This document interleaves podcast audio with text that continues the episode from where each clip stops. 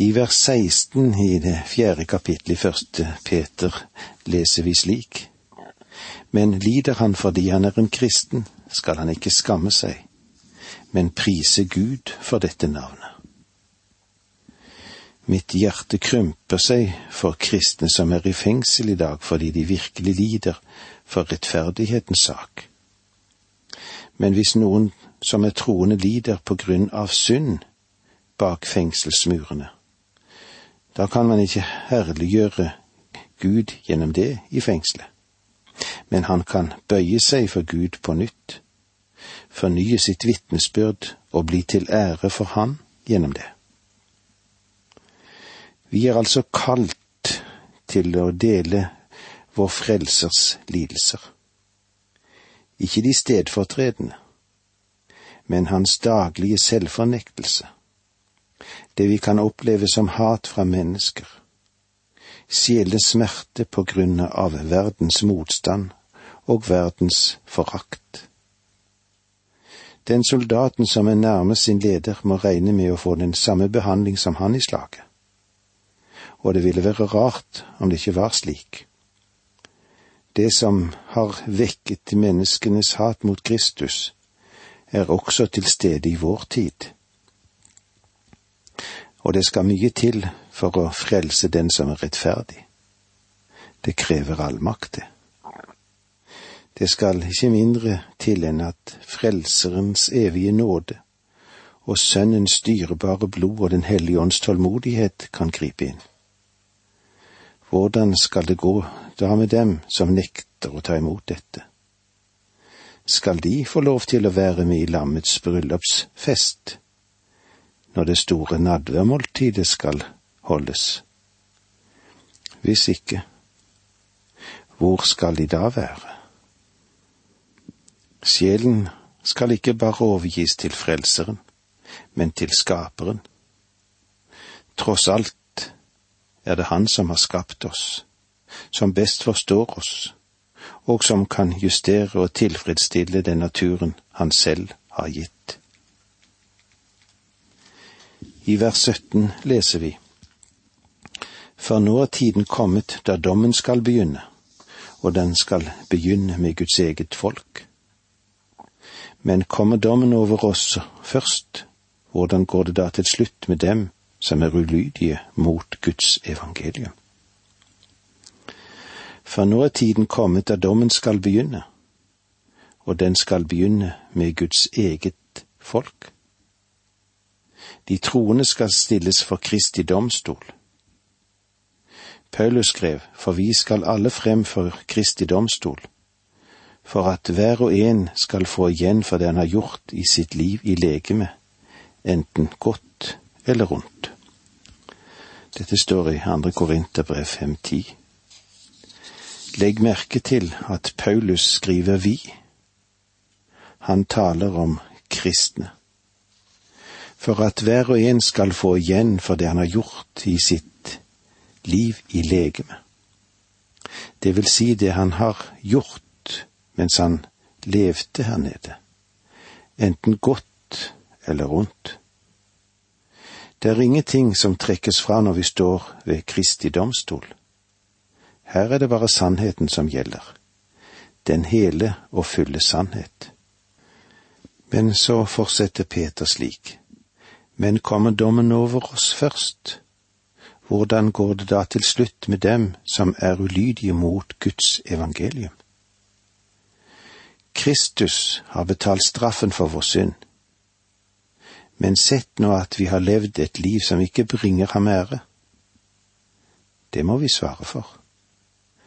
Og om Gud kommer til å dømme sine egne, hva da med den tapte verden som verken ville høre eller lyde Guds evangelium? Vers 18 Og er det vanskelig for den rettferdige å bli frelst, hvor skal det da bli av den ugudelige og synderen? Med andre ord er det slik at vi troende bare så vidt klarte det.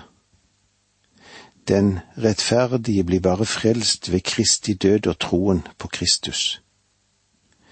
Det er den eneste måten vi noensinne ble og blir frelst på. Og det var så vidt at det gikk. Når jeg ser tilbake over mitt liv, hvordan jeg startet på feil vei, kanskje med feil fot, så var det bare rent og skjært mirakel at Gud frelste meg. Det er noe jeg ikke kan slutte meg å undres over. Det var bare så vidt. Det kunne jo gått så helt annerledes. Om det nå er slik at en rettferdig, rettferdig vanskelig blir frelst, om de er som om de blir revet ut av ilden, hvor skal det da bli av den ugudelige og synderen? Det er Peter som spør.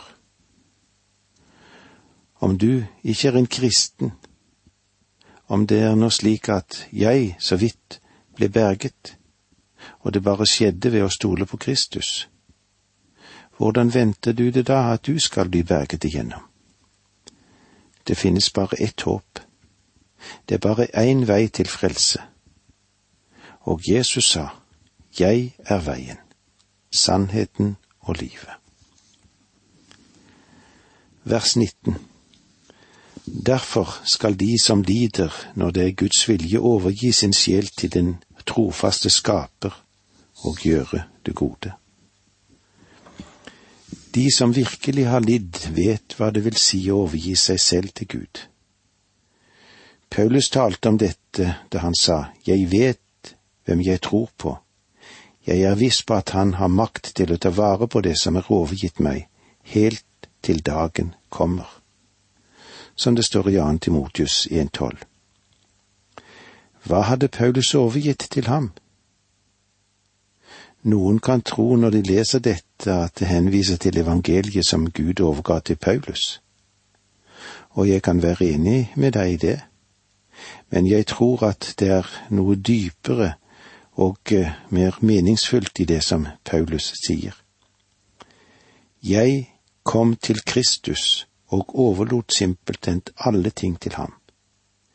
Jeg deponerte meg selv hos ham og alt det som jeg synes var fortjeneste, det ser jeg på nå som om det er tapt, og det som er tapt, det ble en vinning, slik at jeg kunne vinne Kristus. Paulus listet opp åtte forskjellige ting som han stolte på når det gjaldt sin egen frelse. Vi leser fra Filippensebrevet tre, én til åtte. For øvrig, brødre, gled dere i Herren.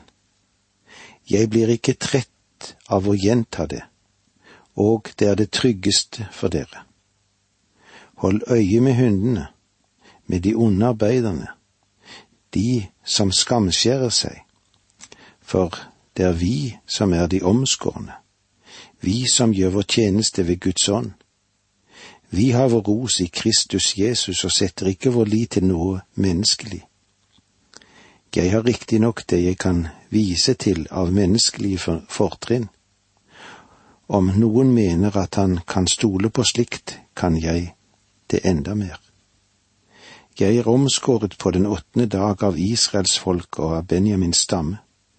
En hebreer født av hebreer, en fariser i forhold til loven.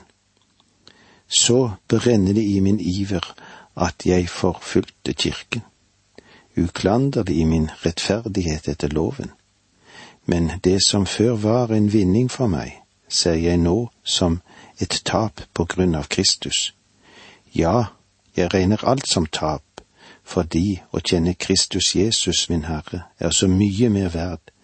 For Hans skyld har jeg tapt alt, og jeg ser det som et skrap for at jeg kan vinne Kristus. Faktisk så sier Paulus det slik, Jeg skyllet alt det der vekk, jeg stolte ikke lenger på det, jeg stolte bare på Kristus. Peter sier, La dem som lider overgi sin sjel til den trofaste skaper. Det vil si til ham som er mektig til å ta vare på dem. Stoler du virkelig på ham? Du har kanskje en bankboks der du tar vare på spesielle og særlige verdier. Når du går og legger deg om kvelden, så bekymrer du deg ikke om det. Det ligger trygt. Jeg la meg òg til å sove i går kveld, og jeg var ikke bekymret for min egen sjel. Vet du hvorfor? Jeg gikk til sengs i fred fordi Kristus har tatt vare på alt det der. Jeg har deponert livet mitt hos ham, hos Jesus. Jeg stoler på ham i dag, jeg stoler på ham hver dag. Og spørsmålet er hvor har du deponert ditt liv? Har du overgitt din sjel til ham? Har du gjort det, så skal det skje at selv om prøvelsen kommer over deg, selv om mørket overskygger deg, selv om du skal gå gjennom dødsskyggens dal, så kan du gjøre det uten særlig bekymring. Han er garantien for at du er trygg. Og med disse ordene må vi si takk for nå, må Gud være med deg. Dette undervisningsprogrammet består av to deler. Åge Nevland fortsetter nå med andre del av dagens undervisning.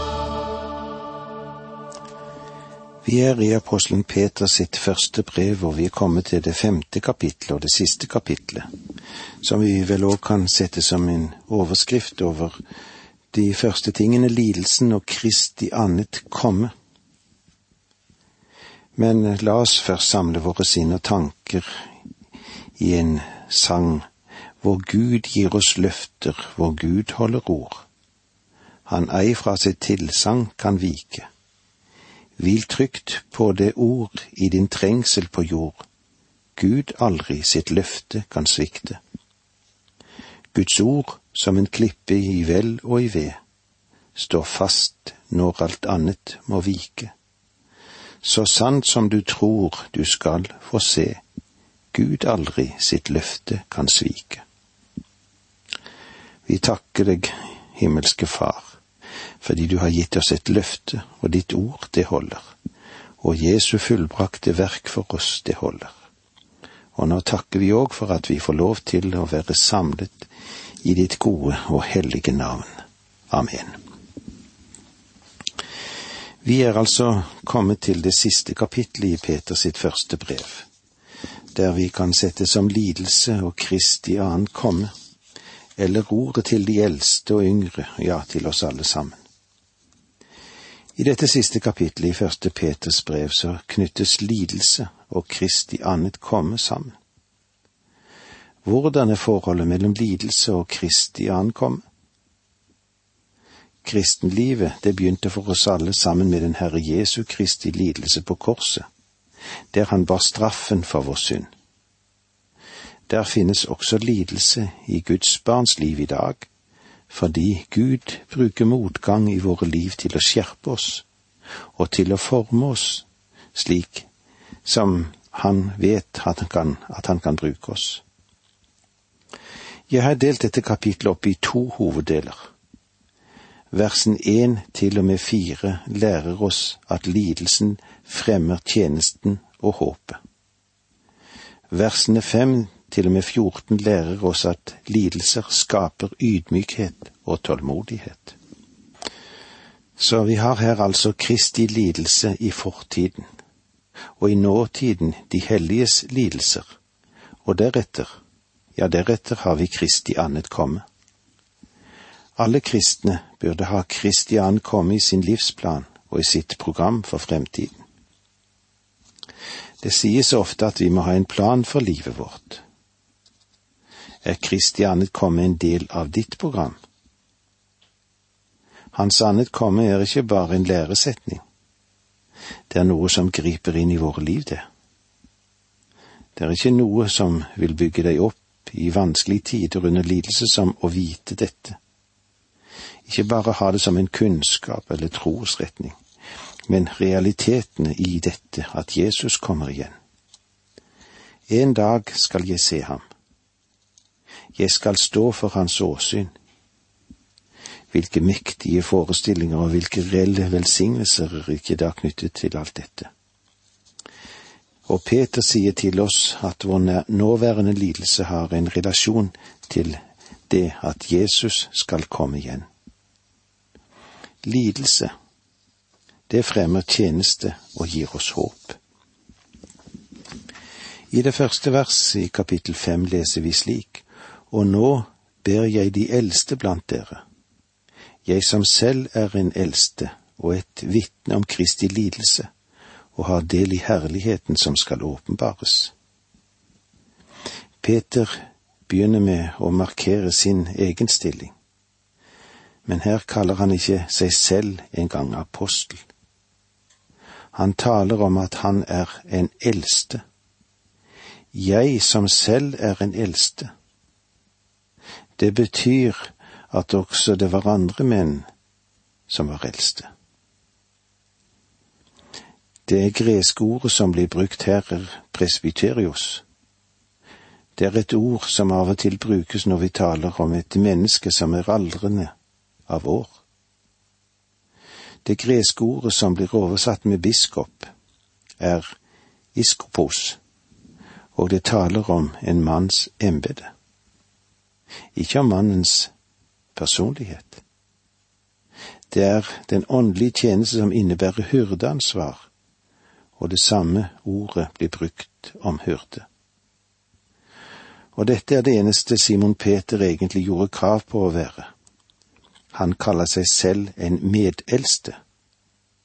Han satte seg aldri over de andre brødrene, men som medeldste så oppmuntrer og trøster han dem et vitne om Kristi lidelse. Peter sto i en unik posisjon fordi han var vitne til Kristi lidelser, og har del i herligheten som skal åpenbares.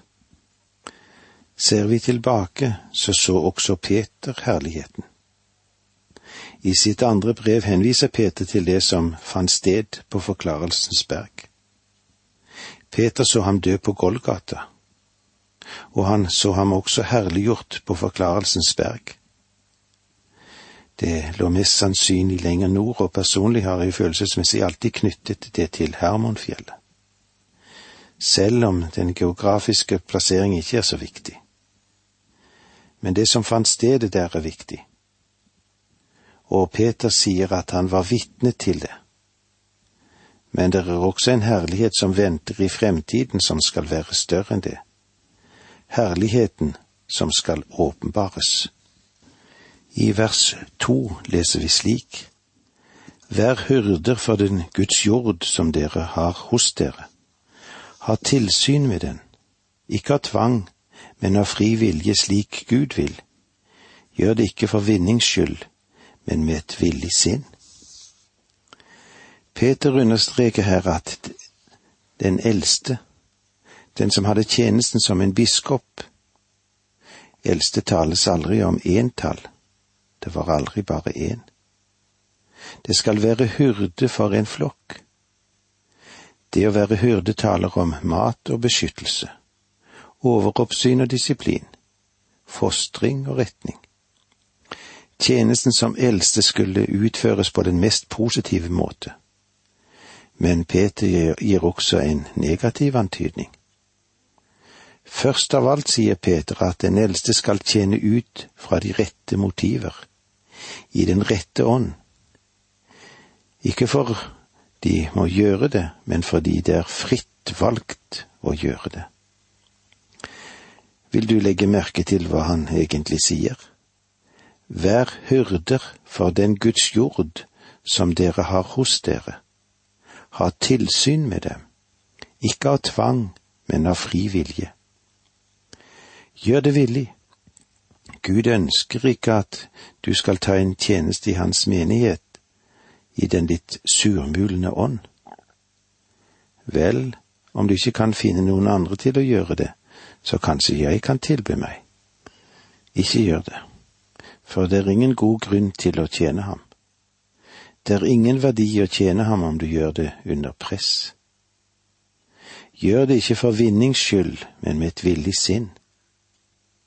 Peter gjør det helt klart her at det kan kreves ikke bare en riktig grunn, men den rette ånd, fordi de frivillig valgte å tjene. Men eh, det må også være et riktig motiv for tjenesten. En kan ikke ha materielle vinninger som bakgrunn for tjenesten. En eldste skal finne sin tilfredsstillelse i selve tjenesten, og ikke på grunn av det han får ut av den. Peter sier at du må ha et riktig motiv når du skal tjene som en kristen. Vær hyrder for den Guds jord som dere har hos dere. Ha tilsyn med dem, ikke av tvang, men av fri vilje, slik Gud vil. Gjør det ikke for vinnings skyld, men med et villig sinn. De eldste skal altså passe på jorden. De skal ha tilsyn med den. Ikke ha tvang, men være frivillig. De skal ikke kjenne på tjenesten som en byrde de helst ikke ville hatt, de ville bli kvitt den, så de tjener den bare med, som en plikt, kanskje enda til motvillig. Men frivillighet og tjenestevillighet av fri og glad indre drift.